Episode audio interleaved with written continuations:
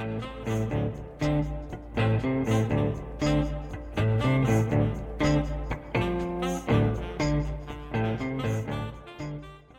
לכולם, אתם מאזינים למה נחקר, אני מירב בן יצחק ונמצא איתי היום איתי חן, איתי מה קורה? אהלן, מה קורה לכל המאזינים? רוצה להציג את עצמך?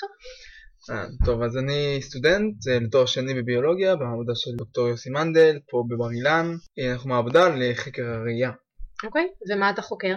אנחנו עובדים על פרויקט שנקרא השתל ההיברידי, שהמטרה שלו העיקרית זה לשחזר ראייה עבור עיוורים. המטרה שלנו זה לאפשר לעיוורים עם אה, מחלות מסוימות לחזור לראות. אוקיי, אז זה לא שתל שאמור לעזור לכל עיוור באשר הוא, זה רק לקהל יעד מסוים, ועל איזה מחלות מדובר? יש מחלות מסוימות כמו רטיניטיס פיגמטוזיס ו-AMD שהן פוגעות בשכבה מסוימת בעין. העין שלנו למעשה מורכבת מכמה שכבות, יש לנו את העין שזה כאילו הכדור העגול הגדול, מהמם. שבקרקעיתו נמצאת לנו הרשתית. הרשתית מורכבת מכמה שכבות של אה, תאים, כאשר כל שכבה של תאים בעלת אה, מנגנון מסוים שקשור לעיבוד אה, מידע של הראייה. אוקיי. השכבה הכי חשובה היא השכבה האחרונה של הפוטורצפטורים, שהיא גם השכבה- האחרונה כלומר, יש לנו את הרשתית במקדימה של העין, בתחתית של העין, סוף אוקיי. העין. בסדר, והיא למעשה זאת שמקבלת את האור, היא מורכבת מעשר שכבות שונות, היא מקבלת את האור, האור חודר את כל התאים, מגיע לשכבה האחרונה, שזה שכבת הפוטורצפטורים. שם תאי פוטורצפטור הם תאים שמגיבים לאור, יוצרים סיגנל חשמלי כתגובה לאור, וככה למעשה עובר מידע של סיגנלים כתוצאה מהאור. אז בעצם ככל שהאור יותר חזק, הסיגנל הוא יותר חזק, וככה אני יודעת בעצם יש הרבה מאוד פרמטרים שונים, זה לא, אוקיי. לא קשור רק לזה, זה קשור להרבה מאוד פרמטרים שונים, כמו עוצמה, צבע, אורך הגל, זאת אומרת, Mm, איפה הוא פוגע, יש אזורים שונים ב- בעין שלנו שיש להם יותר פוקוס פחות פוקוס, יש פה הרבה מאוד אה, דברים, אוקיי. ומשם באמצעות השכבות השונות עובר לנו המידע, השכבות השונות עושות סוג של עיבוד מסוים, וככה זה מגיע עד למוח על ידי אה, נוירונים שמעבירים אה, אז. מהפוטורצפטורים זה מגיע לנוירונים? מהפוטורצפטורים זה מגיע לעוד שכבה של תאים, אחרי זה Mm. עוד שכבה של תאים, אוקיי. ואז אחרי זה לגנגיליונים, שהגנגיליונים מעבירים עם רק שלוחות מילה מה זה. גנגליונים?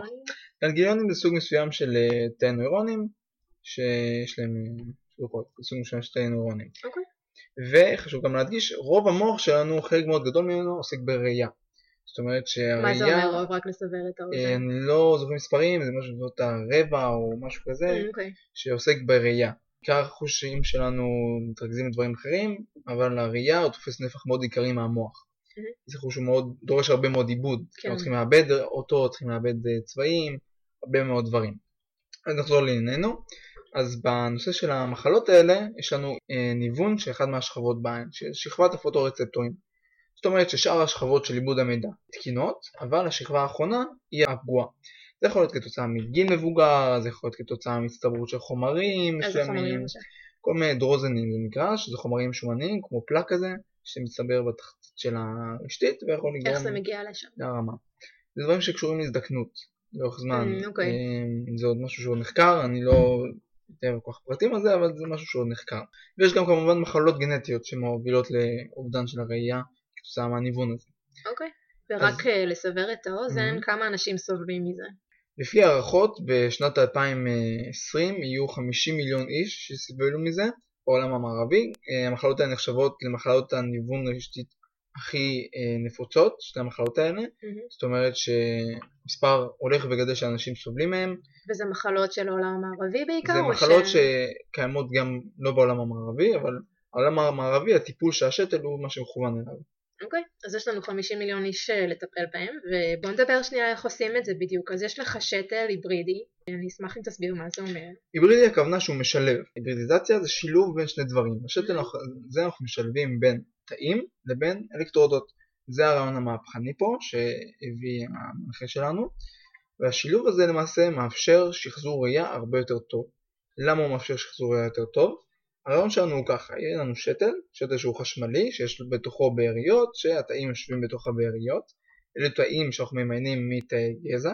הכוונה שאנחנו לוקחים תאי גזע, תאי גזע עובריים, והופכים אותם להיות תאים שהם כמעט תאי פוטורצפטורים. אז אנחנו נגיד רבע מילה על תאי גזע עוברים, זה בעצם התאים שיש לנו לפני שהם הופכים להיות משהו עם ייעוד. זה תא מסוג שיכול להתמיין לכל דבר, ובמקרה הזה ממיינים אותם לתאים של פוטורצפטורים. בדיוק, אבל זה לא פוטורצפטורים בוגרים לגמרי, זה נקרא פוטורצפטור פרקורסור, זאת אומרת שזה תאים שלב אחד לפני פוטורצפטורים בוגרים. המטרה שלנו בתאים האלה זה ליצור תאים שיוכלו ליצור קשרים עם שאר השכבות בעין. אז אנחנו לוקחים את התאים האלה, זורים אותם על גבי השתל, השתל שלנו מכיל באריות שבתחתית כל בארית יש אלקטרודה. ככה אנחנו יכולים חשמלית להפעיל את התאים שלנו, והתאים האלה ייצרו לנו קשרים עם התאים הבאים בעין, וככה הסיגנל יעבור לנו. אוקיי, אבל שאלת uh, טעם, ברגע שיש לך את השתל בתוך העין ואתה רוצה להפעיל אותו בצורה חשמלית, איך בדיוק זה עובד? זהו, אז זה כבר מנגנון יותר חשמלי, זה פשוט קצת חיווט uh, חשמלי, זו אופציה ראשונה. אופציה שנייה שאנחנו עובדים עליה זה פלסמוניקה או הפעלה אוטוגנטית או כל מיני שיטות כאלה. שמה זה אומר? זה היה קצת... אה, פלזמוניקה, זה, אני לא כל כך בקיא בזה, אבל פלזמוניקה בעיקרון זה הפעלה חשמלית, לגרום בעצם למשהו מוליך, ליצור זרם חשמלי על ידי אור. אז אה, אפשרות ראשונה זה... פשוט ברגע שהעין תקלוט את האור זה יעבוד. זה ברגע שכן, ברגע שהשתל יקלוט את האור, האלקטרודה תקלוט את האור, זה יגרום להולכה חשמלית שם, וזה יעבוד. אוקיי. הרעיון הזה אומר שאור פוגע במשטח חשמלי, הוא הופך אותו לזרם, הוא גורם לזרם. Mm. אה, וככה נוכל להשתמש במשקפיים מיוחדות, שיהיה לנו מצלמה, המצלמה תקלוט את התמונה שבסביבה, mm. ובאמצעות המשקפיים ישדרו לשתל. אז אופציה ראשונה זה הפלסמוניקה, אופציה שנייה זה שידור באמצעות פשוט כבל חשמלי שעובר בתוך העין, שמגיע זה לא נשמע כזה בקר. פשוט. זה לא משהו שפשוט, אבל זה משהו שהוא כבר קיים. זה משהו שקיים ואנשים כבר מנסים אותו? ממש כן, מסתובבים? אפשר לחפש באינטרנט, כל מי שמתעניין שיחפש באינטרנט ארגוס 2, יראה סרטונים של אנשים עם שתל כזה. ואנחנו uh, כמובן שהוא פחות טובים שלנו, אבל uh, אנשים כבר שמשתמשים בו, יש סרטון של מישהו שהולך ובועט בכדור, הולך על מעבר חצייה, אנשים יכולים ממש לתפקד עם הדבר וואו. הזה. אומנם זה הליך פרוצדורה של כירורגיה, כי צריך להשתיל את השתל, כן. אבל זה משהו שהוא אפשר לעשות אותו. אוקיי. המנחה שלנו גם מנתח עיניים בעברו, אז כל הניתוחים הוא מבצע בעצמו, ככה אה, שיכולים גם להגיע לביצועים של ניתוח והשתלה של השתל בעין של חולדה בשלב הזה. אז זהו, אז בוא נדבר שנייה על איך בדיוק בונים שתל כזה. שתל זה לא משהו שהוא פשוט, כי צריך לערב פה גם פרמטרים של פבריקציה, זאת אומרת ייצור של שתלים, אה, שזה שיטות שעובדים בחדר נקי. ולכם נקי... יש חדר נקי שאתם עובדים בו? לנו יש את החדר נקי במרכז ננו. אוקיי. שאתם משתמשים בו. חדר נקי זה בעצם חדר שהוא נקי מחלקיקים ברמות מסוימות, זאת אומרת שאין בו חלקיקים של אבק, אין בו חלקיקים של דברים אחרים שהם פי אלף יותר סטרילי מחדר ניתוח. בדיוק. אוקיי. מבחינת סטריליזציה זה לא תמיד, כי כן יש בו חלקים, אבל יש בו חלקיק, אין בו חלקיקים, זה המטרה. Mm, אוקיי. שהחשיבות של זה זה כדי שנקבל פבריקציה טובה, כי אנחנו עובדים בגדלים מאוד מאוד קטנים, שבגדלים כאלה של ננומטרים ומיקרומטרים, כל חלקיק או לחוט יכול להשפיע עלינו מאוד. אז דבר ראשון צריך ידע בפבריקציה, אז יש לנו מישהו שהוא מתמחה בפבריקציה. יש לכם מהנדס ממש? אה, מהנדס, כן, יש לנו מישהו בשם גל שפון, הוא מהנדס ביו-רפואי, למד בתל אביב, והוא עושה לנו את הפבריקציה של השתל, מהבסיס, הוא פשוט בונה לנו את השתל על גבי סיליקון, באמצעות הרבה מאוד uh, שלבים שונים, זה לא משהו שהוא פשוט. לא ניכנס לזה, כי לא זה גם לא הרעיון של הפודקאסט עם כל הכבוד. מישהו, כן, זה, זה כבר כיוון של הנדסה, אז אם מישהו רוצה יכול לפנות לגל. כן, אולי מתישהו גל. ואחרי זה יש את השלב של הבדיקות הביולוגיות, אז צריך דבר ראשון למיין את התאים, זה עוד מישהו ששר במעבדה עושה את זה. יש גם את השלב שבו אתה מקבל את השתל עם הבאריות, ואתה צריך לשים בתוכו גם את את התאים. בדיוק. אוקיי, אז איך, מי עושה את זה? אה, זה אנחנו כן עושים במעורבות, זה גם אני עושה, זה גם עוד מישהו אצלנו עושה. אז יש לך את כל אה, הפרוצדורה של למיין את התאי גזע בעצם נכון. לפוטורצפטורים. Mm-hmm. שזה אה, פרוצדורה בפני עצמה, כי מיון כזה כן. לוקח 24 יום. זאת אומרת שצריך לחשוב הרבה מאוד קדימה ולדעת מה אתה רוצה לעשות לפני, כן. לדעת למיין מראש את הדברים שלך. ואז אחרי שאתה ממיין אותם ויש לך את התאים ויש לך את השתל, אתה צריך לזרוע את זה על השתל. אז בשלב הזה אתה זורע את השתל ויש לך שתי אופציות, או לבדוק את זה אין ויטרו, זאת אומרת מחוץ לגוף, או אין ויבו, לקחת את זה לשתל עם התאים ולהשתיל אותו בעין של חולדה, ולראות איך זה פועל, אם הוא משתלב שם, אם הוא עושה דלקת, אם הוא גורם להתרוממות. אה, זה אנחנו יכולים לעשות באמצעות צילומים שונים של קרקעית העין של החולדה, יש לנו מחשב מיוחד שמאפשר לצלם לתוך הקרקעית של העין. וגם אני מניחה שבודקים את הביצועים של החולדה. אה, בשלב הזה אנחנו לא, לא מתעסקים בביצועים של השתל מבחינה חשמלית, אנחנו נגיע לזה בקרוב 아, אה, מאוד. אתם בינתיים סוג של פייס 1, אתם רוצים לבדוק בדיוק. שאין לו תופעות לוואי. סוג של, כן, אנחנו רוצים לראות שהתאים שורדים עליו, שהרעיון זה אפשרי, שהתאים יוצרים סינפסות, זאת אומרת קשרים עם השכבות האחרות בעין. Mm-hmm. אה, זה בשלב הזה, בשלב. הבא נעשה את ההיבט החשמלי. אה, אנחנו עוד בדיוק תופס לנו בתהליך של המעבר הזה, אנחנו עכשיו בדיוק עושים את הצילומים ואת הדברים האלה, בודקים את כל הדברים האלה, אז אה, לנו עוד איזה חצי שנה כזה, נניח תשובות. נעשה רק catching up. רגע, ומה המשמעות של לבדוק את זה in vitro?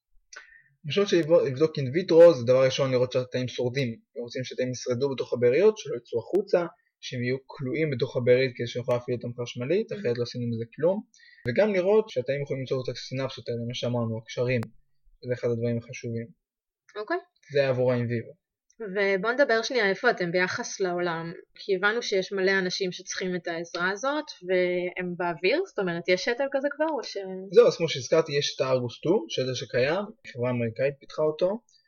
חברה אה, גדולה, לא. מעבדה של... כן, ברור, זו אוקיי. חברה, יכול להיות שהיא התחילה במקור בתור מעבדה, אבל היא חברה יחסית גדולה. העלות של שטר כזה זה 100 אלף דולר משהו כזה, שזה אולי נשמע הרבה, אבל בשביל מישהו שהוא עיוור כן, זה זה לא גם הרבה. אה, משתלם, כי הוא הרי יעבוד. זה יחזיר. אני לא בטוח שהוא יעבוד, כי זה לא, זה עדיין לא בשלב של לראות לגמרי. אה, אוקיי. מה שהם רואים, הם רואים בעצם פשוט השטח. נקודות שחורות כאלה ולבנות, וזה לא בצפיפות מאוד גדולה. אוקיי. הם רואים בסביבות ה-40 פיקסלים, זה כלום בעצם. כמה רואה בן אדם רגיל? בן אדם רגיל רואה 100 מיליון. אוקיי, סבבה. כן? אה, המצלמה בטלפון זה 12 מיליון, או משהו כזה, אז אוקיי. כאילו יש יש עוד לאן לשאוף. זה נתן מושג. אבל זה אחד מהדברים שלנו, השאיפה שלנו זה להגיע לרזולוציה הרבה יותר גבוהה, לחדות ראייה יותר גבוהה.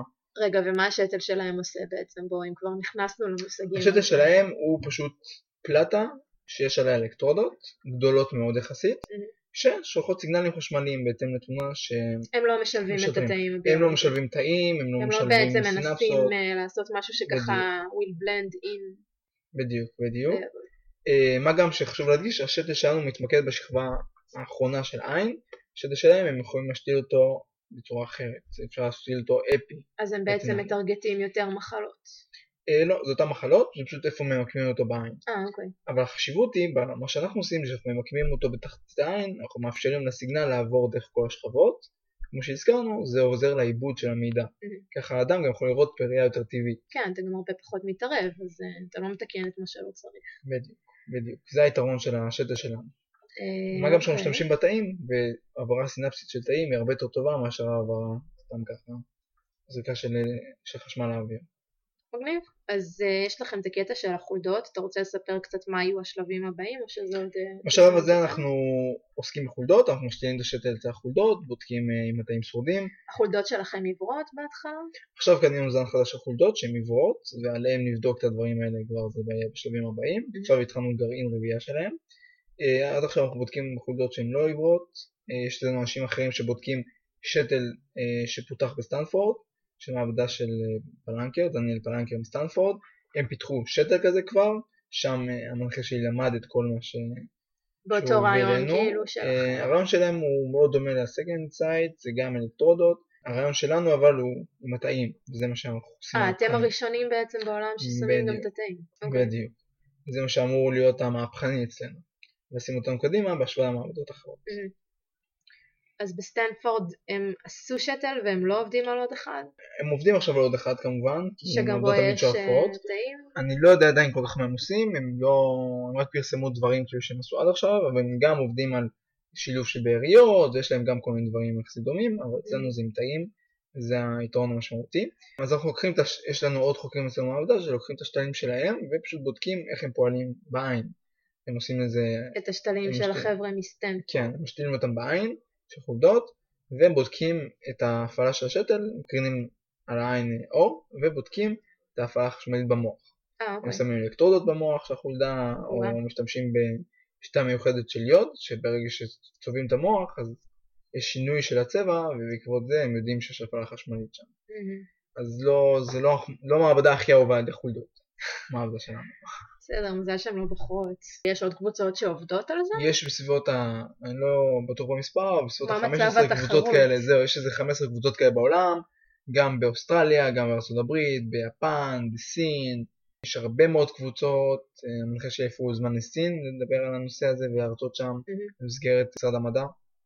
אבל אנחנו בין המובילות בעולם, לפי דעתי, ויש לנו גם רעיון שהוא יחסית חדשני, שזה משהו שיכול מאוד לשפר.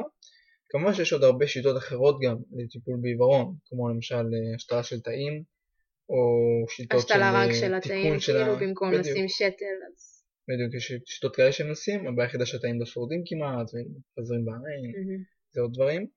אה, יש עוד ניסיונות כמובן עם וירוסים, להחדיר אה, תיקון מסוים לפוטורצפטורים שם, ולעשות... איך אה, זה עובד?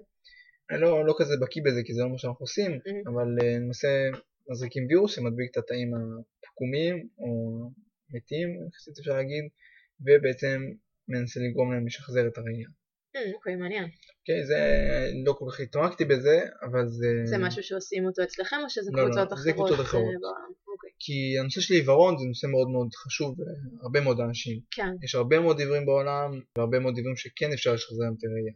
לכן חשוב מאוד לנסות לשפר את יש הנושא לכם הזה. פרויקטים שמטרגטים גם אה, אנשים שלא עיוורים בגלל המחלות האלה או שזה רק... אה, לא, כאילו אתם אנחנו מתמקדים רק במערכות האלה. אממ. אבל יש מעבדה לידינו שעוסקים בראייה והם עוסקים גם בדברים אחרים. בכאלה שיש להם היחלשות של הראייה, דברים כאלה. אוקיי. ויש לכם גם קטע כזה של fine tuning, שנגיד מספר באריות, כמה תאים אתה שם, או בדיוק. דברים כאלה. אה, אנחנו צריכים גם עכשיו לעשות אופטימיזציה, אז אנחנו עדיין בשלבים של אופטימיזציה. מה הכוונה? אנחנו מנסים לעשות את זה הכי אופטימלי, את כל המספרים, כמה תאים זורעים, איך זורעים אותם שהם ייכנסו לבאריות, הפעלה חשמלית, אז איזה מתח צריך לתת להם, איך לתכנן את האלקטרודה שתפעיל אותם יותר טוב. הרעיון שלנו שהתאים ישבו בתוך באריות עם אלקטרודה, וזה אמור לעשות הפעלה חשמלית יותר טובה. זה אחד הדברים שהמטרה של הבארית היא. אז לצורך כך יש גם מישהי שעושה אצלנו patch clamp, היא פשוט לוקחת את התאים, תסביר שנייה מה זה patch clamp, זה בעצם חיבור עם אה, מחט לתא, ובאמצעות מחט דקה אפשר להיכנס לתוך התא ולהפעיל אותו חשמלית או לעשות לו מדידות חשמליות. אה וואו. אז אה, באמצעות השיטה הזאתי, אז היא בודקת את ההפעלה של התאים על גבי אלקטרודות, ורואה אם האלקטרודות מפעילות אותם טוב, פחות טוב, זה גם עדיין בשלבים, כי אנחנו רוצים לראות איזה עוצמה של זרם ומתח צריך לתת לתאים, כדי שהם יופעלו בצורה טובה. זה עדיין בשלבים גם כמובן, ויש גם את כל העניין של איך לראות את התאים. אחרי שאנחנו זורעים אותם, אנחנו צריכים לראות אותם איכשהו. יש לנו פה שני כיוונים. מה זאת אומרת לראות את התאים? אם אנחנו רוצים לראות אם התאים נכנסו טוב לבארית, אז לראות אם הם יושבים בצורה טובה, אם הם נכנסו לתוך הבארית, אם הם Mhm. פוגעים באלקטרודה. לצורך כך יש לנו שני דברים, יש לנו מיקרוסקופ קונפוקלי. מיקרוסקופ קונפוקלי זה מיקרוסקופ שמבוסס על פלורסנציה, זאת אומרת שאנחנו רואים פלורסנציה של התאים. מה זה פלורסנציה? ברגע שאנחנו מאירים באורך גל מסוים, אנחנו יכולים לראות החזר של אור, וככה אנחנו יודעים לראות את התאים. זה מהמיקרוסקופ הזה, הוא מאפשר רזולוציה מאוד טובה, תמונות מאוד יפות עם צבעים, משהו מאוד מאוד יפה, ואפשר גם לעשות בו תלת מימד, כי עושים הרבה שכבות של צילום, אה, מחברים ביחד ומקבלים תלת אז מימד. כשאתם מגישים מאמר זה בא עם סרטון? כן, זה יכול לבוא עם סרטון גם, Mm. זה יכול לבוא עם זום אין, זום אאוט, כל מיני דברים כאלה מגניבים. מגניב. ועוד שיטה שאנחנו משתמשים בה, ששם אני נכנס, זה כל המיקרוסקופיה האלקטרונית. מיקרוסקופיה אלקטרונית, מי שלא מכיר, זה אה, למשל SEM, Scanning Electron Microscopy, זה מיקרוסקופים שהם מבוססים על אלקטרונים. כמו שיש לנו החזרים של פוטונים בראייה, שיש לנו החזרים של גלי אור, אז פה יש לנו החזרים של אלקטרונים. לוקחים אה, משטח, מצפים אותו בחומר מוליך, בדרך כלל זהב, ומפציצים אותו באלקטרונים ומקבלים את ההחזר, ולפי זה יכולים לקבל תמונה. אז באמצעות כך אנחנו יכולים לראות תמונות תלת-ממדיות מרשימות ממש של התאים בתוך באריות, לראות את השלוחות שלהם, לראות את המבנה שלהם. אתה ממש יכול לראות את האינטראקציות שלו גם. בדיוק, בדיוק, אפשר ממש לראות איך הוא יוצר אינטראקציות עם תאים אחרים. אה, אבל גם זה, זה, כאילו, זה נשמע מאוד אה, יפה והכל, אבל זה גם עבודה קשה. אנחנו צריכים לדעת לקבע אותם ממש, Mm, ומה זה קיבוע, אנחנו צריכים בעצם לשמר אותם במצב איך שהם, שהם חיים. התאים. כי, התאים. כי המיקרוסקופ האלקטרוני הוא פועל בוואקום, זאת אומרת שזה צריך להיות סביבה שהיא יבשה. והתאים, כמו שאתם יודעים, הם גדלים בסביבה שהיא רטובה. מהמם. אז המעבר הזה, להעביר אותם, זה תהליך שלוקח בסביבות השבוע, וואו. שהוא הרבה מאוד שלבים, הרבה מאוד עבודה, אה, ואנחנו צריכים לעשות אותו כמה שיותר טוב, כדי שהתאים לא יתכווצו, לא יישברו, לא ייעלמו לנו, כן. יקרסו לנו, יצטמקו לנו, אז בגלל זה יש לנו הרבה מאוד אה, שיטות שאנחנו עכשיו מש- משווים ועובדים עליהן, כדי שנוכל לקבל את האופטימיזציה של הקיבוע. אוקיי. את הקיבוע הכי טוב. ויש לך עוד פרויקטים שאתה עובד עליהם במקביל, שבא לך כן, לספר? יש עוד משהו מגניב שאני עושה. אה, יש בארץ בירושלים מדפסת תלת מימד, אוקיי? אם כולכם כבר שמעתם על זה, מדפסות תלת מימד, מאפשרות להדפיס אובייקטים בתלת מימד, אבל מה שייחודי במדפסה אותי, שמאפשרת הדפסה בגדלים ננומטרים. זאת אומרת שאנחנו יכולים להדפיס דברים ברזולוציות מטורפות, יותר קטן אפילו משערה, יכולים לעשות דברים, אז אנחנו יכולים להדפיס עם זה שתל, יכולים להדפיס עם זה דברים על השתל, יכולים להדפיס עם זה כל מיני תוספות לשתל, שיאפשרו לשתל להשתלב יותר טוב בעין. אז אתם בודקים דרך זה אפשרויות לפתח את השתל בדיוק, בהדפסה. בדיוק, או, וואו. בדיוק. גם מה שטוב בהדפסה, שהיא מאוד גמישה. יכולים לשנות במהירות פרמטרים של אה, דברים בשתל. כמה זמן לוקח להדפיס שתל חדש? במקור, לפני משהו כמו חודש, היה לנו את המדפסת הישנה, זה היה לוקח משהו כמו 72 שעות.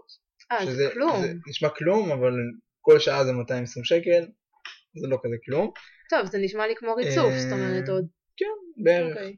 היום אבל המדפסת שודרגה, והיא לוקחת משהו כמו שעה וחצי להדפיס שתל. וכמה עולה עכשיו שעה? לא יודע עדיין, אוקיי. אבל זה בטוח יותר זול, לא- כן. אוקיי, אז אתם... זה- אה, זה אז איך. זה עובד? אתם מדפיסים במסות או שככה... לא, אנחנו עדיין בשלבים שאנחנו מדפיסים כדי לבדוק פרמטרים שונים. אז כל פעם אנחנו משחקים עם פרמטרים, בודקים את זה, Mhm. זורקים על זה טעים, כן. ובודקים אם זה יכול לשפר או לא. ובעצם אתה לא יכול, זאת אומרת אתה יכול להדפיס את השתל, אתה צריך לשים עליו אבל את התאים שאתה ממיין.